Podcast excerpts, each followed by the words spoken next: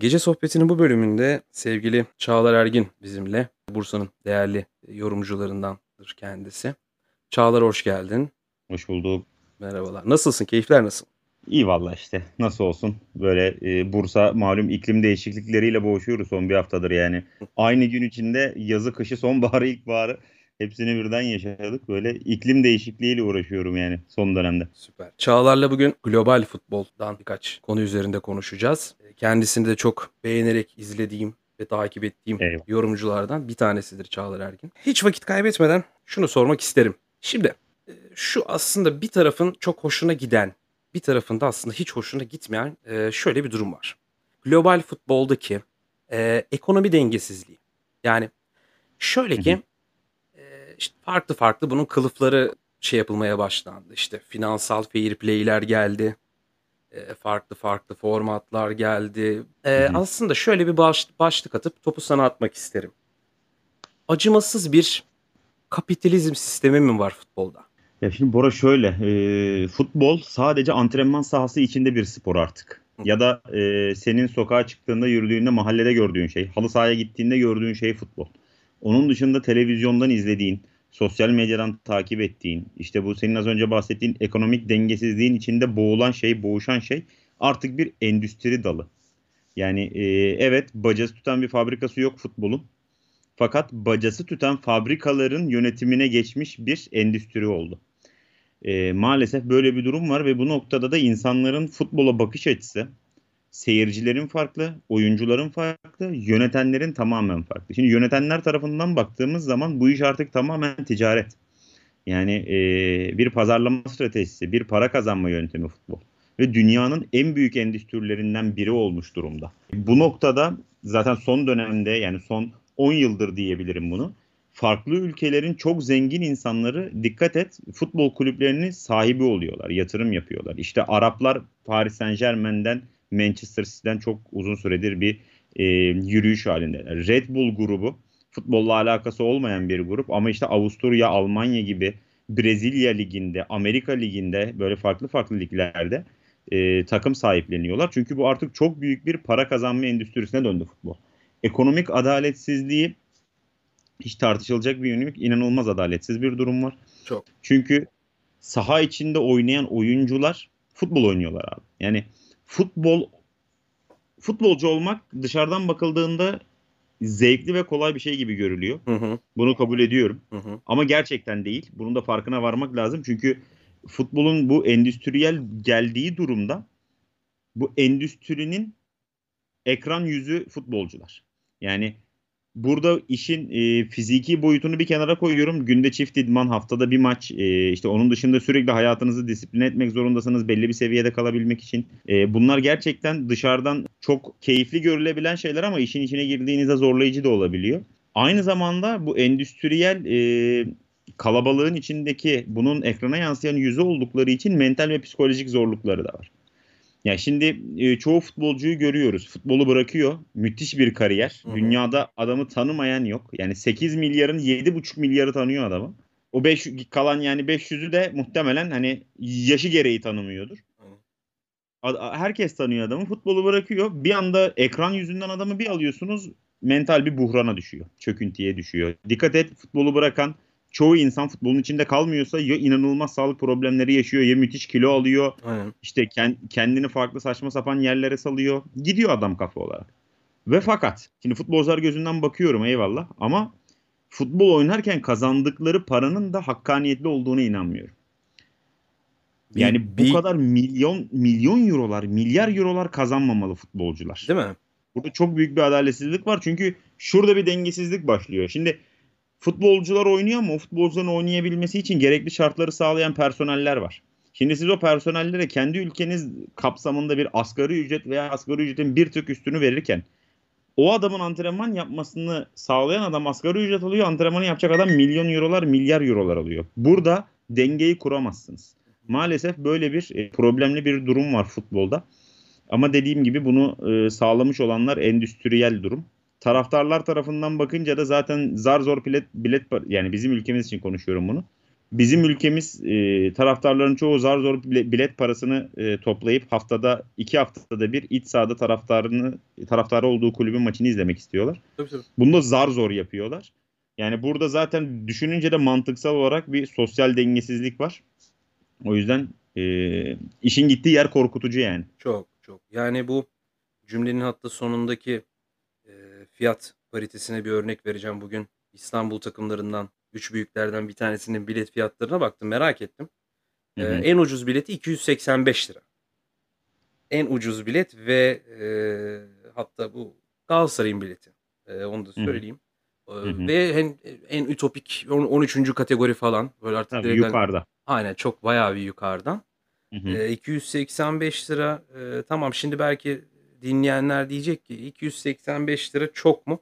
Şimdi bir kesim için çok. Düşük bir Evet. rakam değil. E, kesinlikle çok.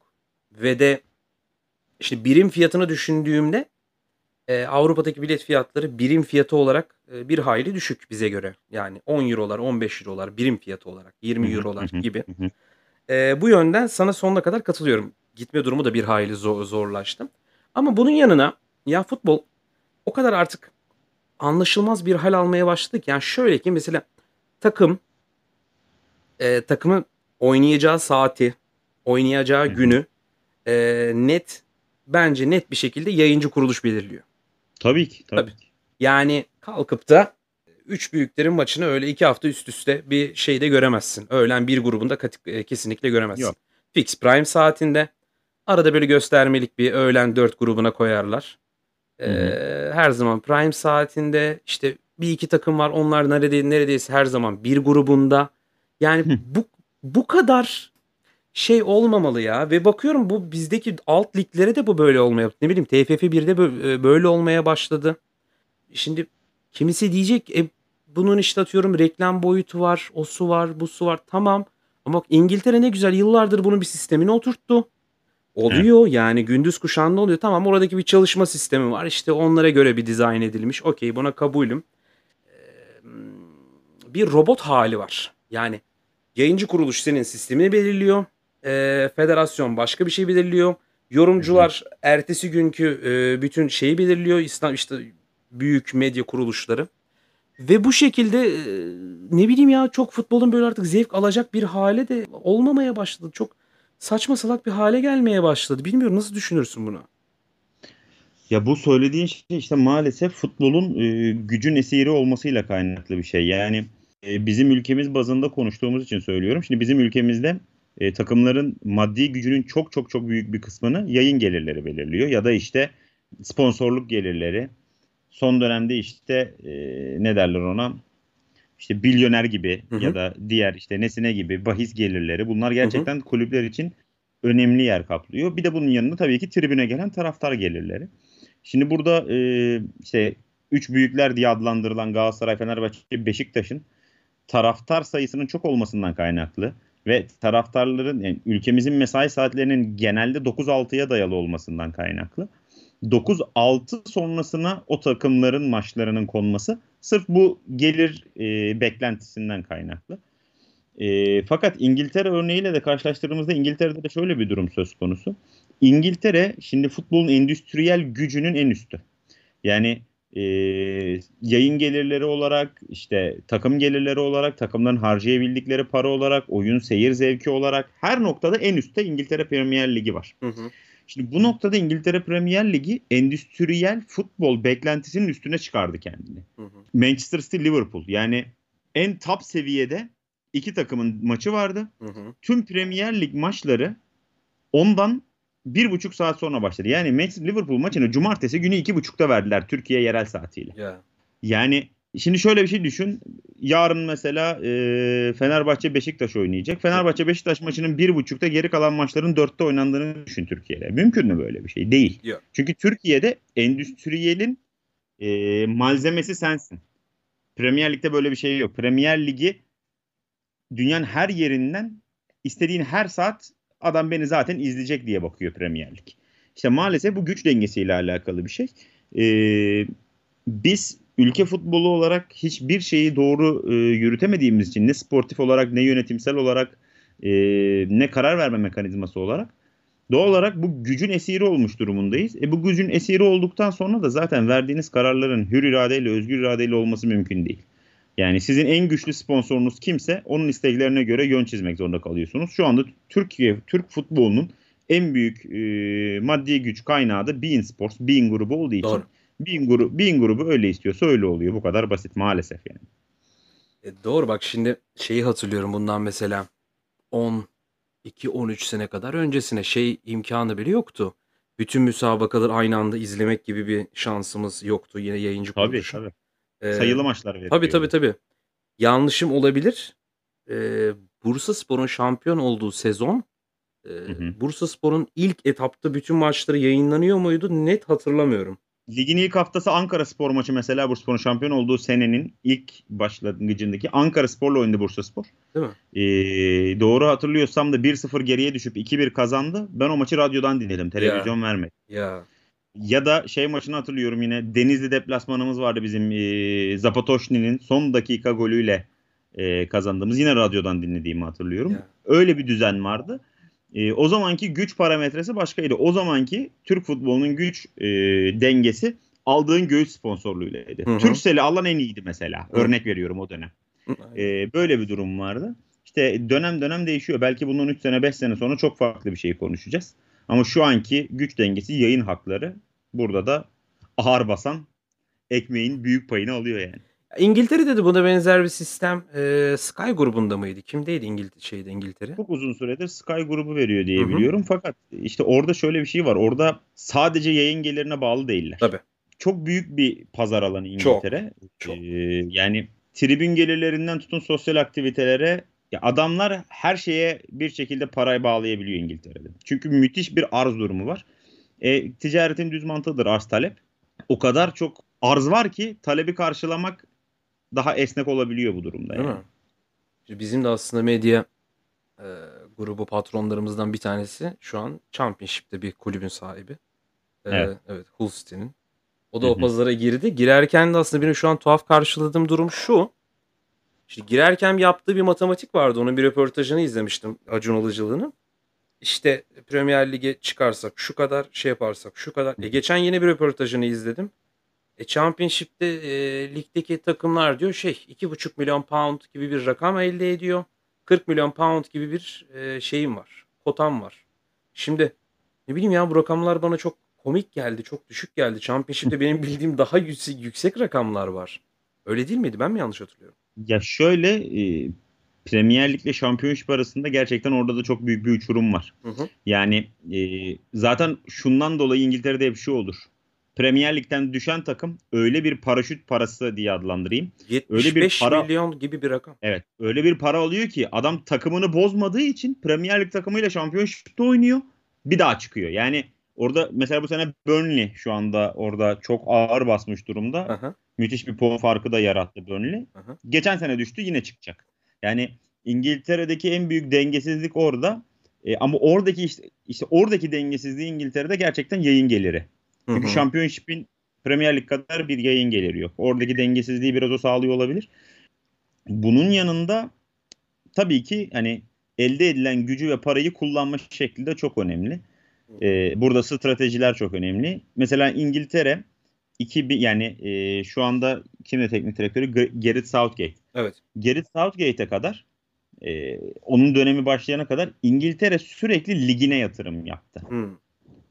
Maddi yatırım sürekli ligini geliştirmeye yönelik yaptı ve bu ligini geliştirmeye yönelik hamlelerden dolayı çok e, ciddi bir şekilde dikkat et Avrupa Şampiyonlar Ligi'nde Avrupa liglerinde başarı sağladı. Yani işte Chelsea ile Şampiyonlar Ligleri var, Liverpool'la var, City ile sürekli artık dünyanın gözünün önündeler. Takımlarına yatırım yaptılar. Ama Gareth Southgate ile beraber İngiltere bu sefer altyapılarına, milli takımlarına yatırım yapmaya başladı. İngiltere Almanya modeline dönmeye başladı. Almanya modeline dönmeye başladığı andan itibaren de dikkat et zaten İngiltere Ligi'nde oyun çalış takım çalıştırmaya başlayan Alman teknik direktör sayısında da bir artış var. Tabii ki. Ee, işte Tuchel vardı, e, gitti. Klopp zaten Hı hı. e, bir süredir orada. E, şimdi İngiltere milli takımına Gareth Southgate ile beraber yaptıkları yatırım dolayısıyla da dikkat et hem Avrupa hem Dünya Şampiyonası'nda hep bir dereceleri kovalamaya Hı başladılar. hı. Yani adamların Çünkü doydular lig noktasındaki hedeflerine doydular ve belli bir sermayeyi de elde ettiler lig, ligi sürdürebilir durumda tutmak için. Ama milli takımlar bazında o kadar uzun senedir başarı yakalayamıyorlar ki aç kaldılar ve bu sefer kendilerini teşvik edici bir hedef koydular. Ben de dedi ki milli takımımı altyapı noktasında bir yatırım yapacağım ve milli takımımı geliştireceğim. Ki şu anda bak İngiltere'deki iyi takımlara Manchester City, Liverpool gibi e, ya da Manchester United gibi fark etmez. Newcastle geliyor. Newcastle gibi yani çok ciddi şekilde altyapıdan oyuncu çıkarıyorlar. Yani Hı hı. Phil Foden bir Hmm. İngiliz yapımıdır yani. Harvey Elliott çıkıyor örnek veriyorum. Yani e, bunlara yatırım yapmaya başladılar. Şimdi de e, benim iddiam odur ki önümüzdeki bir ya da iki tane Dünya Kupası'ndan birini İngiltere kazanacaktır yani. Çok çok mümkün. Hiç şaşırmam ki e, mutlu da olurum ya. Onların futbolunu seviyorum. E, Evet. Bu milli takımlara şeyi ilave etmek isterim. Eğer yani doğru hatırlıyorsam 2006 olması gerekiyor. Dünya Kupası'nı e, İtalya kazanmıştı. Finalde de Almanya'yı yenmişti. Doğru mu? Doğru olabilir. Tamam. Yok ya da tam tersi. Diyor yok Almanya daha önce elenmişti. Şey meşhur Zidane'ın e, Fransa, kafa- Fransa, Fransa tamam İtalya. Fransa eledi. Almanya çok önceden elendi. Orada Alman hükümetinin e, şöyle bir e, şey olmuştu, talebi olmuştu. 800 milyon e, euro gibi bir rakam belki daha düşük bir rakam olabilir. Bunu kulüplere e, hibe etmişti. Ge- geri ödemesiz tamamen altyapıya harcanacak. Hı hı. Tamamen altyapı yatırımı olacak. Ondan sonra Hı hı. zaten Almanya'nın ardı ardına Avrupa şampiyonaları, dünya kupaları, bütün başarıları ortada. Yani Aynen. işte senin söylediğin gibi burada da bir tık daha farklısı oldu. Kulüplere bir yatırım yapıldı. Kulüplerden artık bu fazlasıyla bütün başarılar alındı. Artık Evet. yani e, FIFA, UEFA belki konferans ligi dışında dördüncü bir format yaratsa İngiltere oraya da ambargo koyacak gibime geliyor. E, yani ambargo koymadıkları bir yer yok. İşte yine senin e, sohbetimizin başında dediğin gibi bir şey vardı. Hani Arapların ütopik yatırımı İngiltere'de mesela şu an eskiden Türkiye'ye benzer bir 3 tane 4 tane takım vardı. Şu an neredeyse o parite 7-8 takıma kadar açıldı. Evet. Yani Evet. art- artık ilk 4'e e, büyük takım olarak kabul ettiğimiz takımların ilk 4'e girememe durumu olmaya başladı. Bunların içine bir şey Newcastle eklendi. E, Hı arada bir Tottenham işte var. Liverpool şu an mesela bütün o filmin dışında ne bileyim işte Evet. Ch- Chelsea'si o su bu su. Yani aslında bence bu güzel. Bir yandan şöyle güzel. E, yani o savaş 3-4 takım e, nezdine dönmüyor. Bir Fransa gibi olmuyor. Hı hı. Yani yatıyoruz kalkıyoruz Paris, yatıyoruz kalkıyoruz Paris. Veya ne bileyim e, İskoçya. Tamam orası çok belki kalitesi çok düşük bir lig ama yani ben orada ilk ikide Rangers ve e, Celtic dışında kimseyi hatırlamıyorum. Rangers'ın bir ikincilik bir dönemi var. O esnada birileri ikinci ikinci oldu. E, o dönem tekrar bitti. Bunlar 1-2'de devam ediyor. Türkiye'de de 10 yılda bir bu değişiyor. Hı Bir. Bursa değiştirdi tarihi, bir Başakşehir değiştirdi tarihi. O tarihte bitti gitti. Şu an yine ilk Hı. 3 aynı şekilde dönmeye Hı. başladı. Yani İngiltere bence bu sistemde birazcık daha sevimli geliyor bana. Birazcık daha böyle Hı hı. hem kalitesi çok hoş ve sadece bu kalite 3-4 takım nezdinde dönmüyor. Böyle e, aşağıdan daha farklı farklı takımlar gelmeye başladı artık. Hı hı. E, katılır mısın? Ne düşünürsün bu konuda? Ya işte İngiltere'nin e, yapmış olduğu yatırımın karşılığını şimdi ligden bir nebze olsun desteğini azaltmış olabilir ama altyapılara yapmış olduğu yatırım dolayısıyla bu sefer başaltı diyebileceğimiz takımlara fırsat doğmuş oldu. Yani e, onlar da sonuçta altyapısına yatırım yapmaya başladı ve bu sefer dış kaynaklar değil de iç kaynaklardan gelen bir e, yapıyı oluşturduğunuz zaman e, rekabetçi ortamda biraz daha uzun süreli kalabiliyorsunuz. Eskiden kalamıyordunuz. Yani Tabii. işte Manchester United, Arsenal, Liverpool, City parayı basıyordu. Dünyanın en iyilerini getiriyordu ve siz ne kadar iç kaynak yetiştirirseniz yetiştirin bir şekilde mücadele edemiyordunuz. Ama artık onlar da iç kaynağa yönelik bir tık daha e, yatırım kaynaklarını arttırdığı için bir mücadele ve keyif ortamı oluşmaya başladı. İngiltere'yi de tek bozabilen yer Real Madrid kaldı. Onlar da yani ben bu kadar istikrarlı kültürü olan bir takım daha görmedim Real Madrid kadar. Yani bir yerde bir şeyi başarmak diyorsa Real Madrid kulübü başarıyor. Yani kadrosunda kimin oynadığının inan hiçbir önemi yok. Tabii. Yani e, ne kadar değişim yaşarsa yaşasın Real Madrid hep başarılı olabiliyor. Ama o da işte kültür. Yani Real Madrid gibi sayabileceğimiz belki de Bayern Münih'e ekleriz yanına. Ama Real Madrid ve Bayern Münih gibi bu kadar başarı kültürü olan takımlar nadir oluyor. Onun dışında işte e, toplu olarak baktığımızda şu anda dünya futbolunun dünya futboluna damga vuran bir İngiltere var ki bu iç e, yapısına yaptığı yatırım bu şekilde sürerse çok daha uzun süreli bu devam edecek gibi duruyor yani. Şimdi belki tepki çekeceğim. Bu Real Madrid ile Bayern Münih'e bir yorum yapacağım kendi nezdimde. Ya bu takımların başarıları artık bana çok sempatik gelmemeye başladı. Çok fazla olduğu için Yani. artık ye- yeter diyesi geliyor Ya, insan ya değil mi? yeter. Vallahi yeter. Yani ne bileyim bu her ne kadar kulüp sahibi biraz tartışılır Newcastle'ın ama e, onların bile bir yükselişi biraz sempatik gelmeye başladı bana. Ne bileyim işte Fransa'da bir Lille'in Farklılık arayışı bence Tabii ya tabii bu tabii tabii tabii. İspanya'da bir dönem Atletico Madridler. Bizde işte Adana Demir m, mutlaka bir çıkış yapacaktır ama çok zannetmiyorum buna yani çok müsaade edilmez diye düşünüyorum. ama ne bileyim ya bana sempatik geliyor, güzel geliyor gözüme bu tip aşağıdan birilerinin gelmesi. Bir de yine sohbetin başında bir şey dedin. Dedin ki artık futbol reklam boyutuyla, şovlarıyla, e, Hı bütün e, o dünyasıyla birazcık daha o eskiden alıştığımız futbol e, dünyasından birazcık daha dönmeye başladı. Yani biraz daha ters bir teoriye dönmeye başladı. Buna hatta çok güzel bir örnek şöyle veririm. Futboldan değil, basketbol NBA. Yani Hı bir NBA maçı oluyor. 3 saat 4 saat falan sürüyor. Belki daha fazla sürüyor. Bir All Star yapıyorlar. Yani All yani böyle bir All Star tamam okey çok güzel ama Tamamen show business tabii işte. tabii tabii yani e, bak şeye kabulüm. Bak Super Bowl okey tamam ona kabulüm. Orada tamam konserler onlar yıllardır bunu yapıyorlar. Dün olan bir şey değil ama işte sporun içinde e, yeri geldiğinde sanki futbolda da o biraz olmaya başladı ve oluyor gibime geliyor. Nedir o? Şu oyunun içinde de biraz sanki şov olmaya başladı. Mesela bu Evet. M- NBA'de bu çok e, olmaya başladı. Yani böyle sporun dışında hareketler. Tamamen Hı hı. böyle taraftarı coşkuya sürükleyecek. Mesela Türkiye'de çok bizim halkımız ne bileyim ya bu coş, coşkuya çok gireceğini zannetmiyorum. Ya şöyle tamamen dediğin gibi beklentiyle alakalı bir durum. Şimdi bizim ülkemizde spor tamamen insanların afyonu olmuş durumda. Yani e, sporla beraber istediğiniz algıyı yönetebiliyorsunuz. Yani nasıl örnek vereyim? Yarın örnek veriyorum Fenerbahçe Beşiktaş maçı var. Evet. Salı günü bu hafta içi geçmişe gidiyorum. Salı günü bir olay yaşanmış olsaydı siyasi, Evet. sosyal fark etmez. Bir olay yaşandı. Ve bunun üstü kapatılmak isteniyor. Evet. Yarın oynanacak Fenerbahçe Beşiktaş maçına muhtemelen 4 tane kırmızı kart çıkar her şey unutulurdu. Örnek veriyorum yani.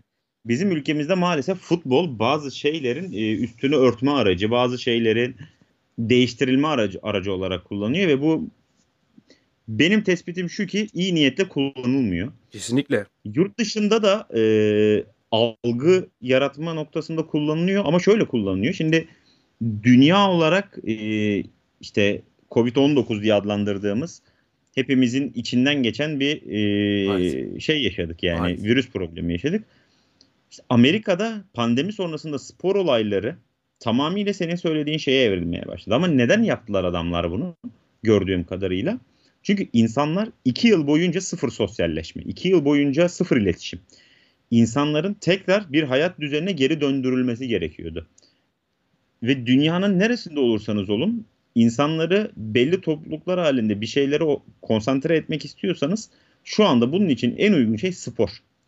Amerika'da bu basketboldur, Türkiye'de futboldur. İşte başka bir yerde başka bir spordur değişir. Kendi ülke içinde e, Amerika bence bunu en sağlıklı şekilde yapıyor ve bunu tamamen sosyalliğe, şova, eğlenceye çevirmeye başladılar. Evet spor sever olarak izlediğiniz şeyden spor olarak belki eskisi kadar keyif almıyor olabilirsiniz. Ama izlediğiniz şeyi bir reality show olarak izlediğinizde keyif alırsınız. Buradaki beklentiyi değiştirdiler bana kalırsa. Hı hı. Biz de ülke olarak buna benzer bir kültür benimseyip aslında yapabiliriz ama bizim maalesef yaşadığımız coğrafya dolayısıyla gerginliğimiz, işte sosyal hayattaki gündemlerimiz hiç bitmediği için senin söylediğin gibi bu tarz bir şeye denemeye bile kalksak direkt linç unsuru olur. Kimse hiçbir şeyden memnun olmaz ve e, yani ölü doğan bir çocuk olur yani maalesef. Maalesef. Şimdi yine e, gözüme takılan kılıflardan bir tanesi o da şu. Futboldaki maddelerden bir tanesi. Hatta birkaç tanesini sıralamak isterim. E, neler girdi hayatımıza? Video hakem gibi bir teknoloji girdi ki bence bu pozitif bir durum. Çok fazla hata oluyordu. Ben bunu Hı hı. doğru buluyorum. Akabinde e, finansal fair, fair play o kadar farklı farklı kılıflar e, üretildi ki. Yani mesela zorunlu kiralık. Bilmiyorum hayatımızda bu daha önce ne kadar vardı. Yani burada e, işte zorunlu kiralık sistemi işte atıyorum bir, bir yıl alı- alıyorsun Orada bir başka bir rakam gösteriyorsun. Hı hı. Eee, doğru mu biliyorum? Hı hı. Yanlışım yanlışım varsa sen düzelt. Akab Ekonomik kay ekonomik kaygılardan dolayı hı. Akabinde, eee, bu yanlışım yoksa şeyde bile yapılmıştı. Eee, büyük kulüplerden Mbappe'de bu yapılmıştı diye hatırlıyorum sanki. Eee, zorunlu kira kiralık sistemi onda da yapılmıştı. Sanki 80+100 gibi bir şey yapılmıştı Hı hı. Hı gibi bir şey hı. hatırlar gibiyim. İşte video hakem olsun, ne bileyim gol teknolojisi olsun ki gol teknolojisinde çok ütopik bir durum yok. Bence bu aslında bunun benzer bir sistemi zaten teniste vardı. Tenisteki teknolojinin benzer bir hâli futbola getirildi. Eee, ki ben sadece hoşuma gitmeyen durum şu: Heyecanını olayın, eee, fazlasıyla şey yaptı, düşürdü. Şöyle ki gol geliyor. Gerek biz Hı hı. taraftar nezdinde gerek sahadaki futbolcular, eee, golün Hı hı. sevincini bir %50 %40 paritesinde yaşayıp herkes hakeme Hı dönüyor. hı. Hakemin o meşhur Hı hı. eliyle kulaklığına gidiyor. "Yanıma yaklaşmayın. Ben de bir haber bekliyorum. Birazdan söyleyeceğim." Futbolcunun anlamsız ısrarı ve akabindeki haberle, pozitif bir haberle ortalık bir daha bir coşkuya dönülüyor. Değerli yorumlarını beklerim. Bu, ııı, teknolojiyle beraber değişen futbol hakkında. Yani benim görüşüm VAR özelinde konuşayım öncelikle. Hı hı. Çok doğru bir sistem olduğunu düşünüyorum. Sadece yanlış veya daha yeterli kullanılmayan bir sistem olduğunu düşünüyorum. Hı. Eee, yani bazen öyle şeyler oluyor ki şuna evrildi iş. Yani dünya futbolunda da böyle bizim ülkemizde daha yaygın olmaya başladı. Kolaycılığa döndü iş. Yani çok basit kararlarda bile VAR'a gidilmeye başladı. E bu da irite ediyor insanları. Yani eee, örnek veriyorum. Çok basit bir bariz bir offside pozisyonu. Yani 2 metre önde adam. Yani bunu offside bayrağı kaldırabilirsiniz artık ama pozisyonu devam ettiriyorlar. Gol oluyor. Bekliyorlar. Yani bu offside artık. Veya tam zıttı. Adam gerçekten 2 metre geriden çıkmış. Çok pardon. Bu eee, bunlarla örnek olarak ekleyeceğim. Bu şeylere dönmeye başladı hatta, eee, sakatlıklara dönmeye başladı. Yani orada Evet. kesmiyor ve, futbolu artık sıkıntıya sokacak durumlar olmaya başladı. Söz sende. Yani bence şuna evrilmesi lazım bu işin. Madem bu kadar kolaycılığa kaçılacak yani. Eee, tamamıyla hiçbir şekilde orta hakem şeye, eee, maçın sonucunu etki edecek şeylerde karar vermeyecek o zaman. Tamamen bırakacak. Eee, gol oldu. Öbür taraf yukarısı bir hata varsa uyaracak. Yoksa devam. Gol. Karışmayacak yani hiçbir şeye. Eee, veyahut bir kırmızı kart pozisyonu. Pozisyon oldu. Faulü verdi. Oyunun akışı devam ediyor. Oyun akışı devam ederken çok kısa bir sürede incelemenin ardından karar verilecek. Hani oyun akışı durdurulmadan ilk durduğu anda bu pozisyonla alakalı şu kart verildi, atılacak. Çünkü oyun o kadar çok duruyor ki artık devre arasında artı 9 uzatma, maç sonunda artı 15 dakika uzatma. Yani 90 dakika diye oturup izlemeye başladığınız şey 2,5 saat sürüyor bu sefer. Evet. Yani bundan futbolcuların da memnun olmadığını düşünüyorum. Ee, VAR protokolü bence çok yararlı bir sistem. Çünkü hakkaniyeti bir nebze olsun sağlayabiliyor. Kesinlikle. Ama uy- uygulanmasını biraz daha pratik hale çevirmeliyiz diye düşünüyorum. Bu yeni eklenen kurallarla alakalı da benim çok ütopik bir beklentim var. Keşke öyle bir şey olsa.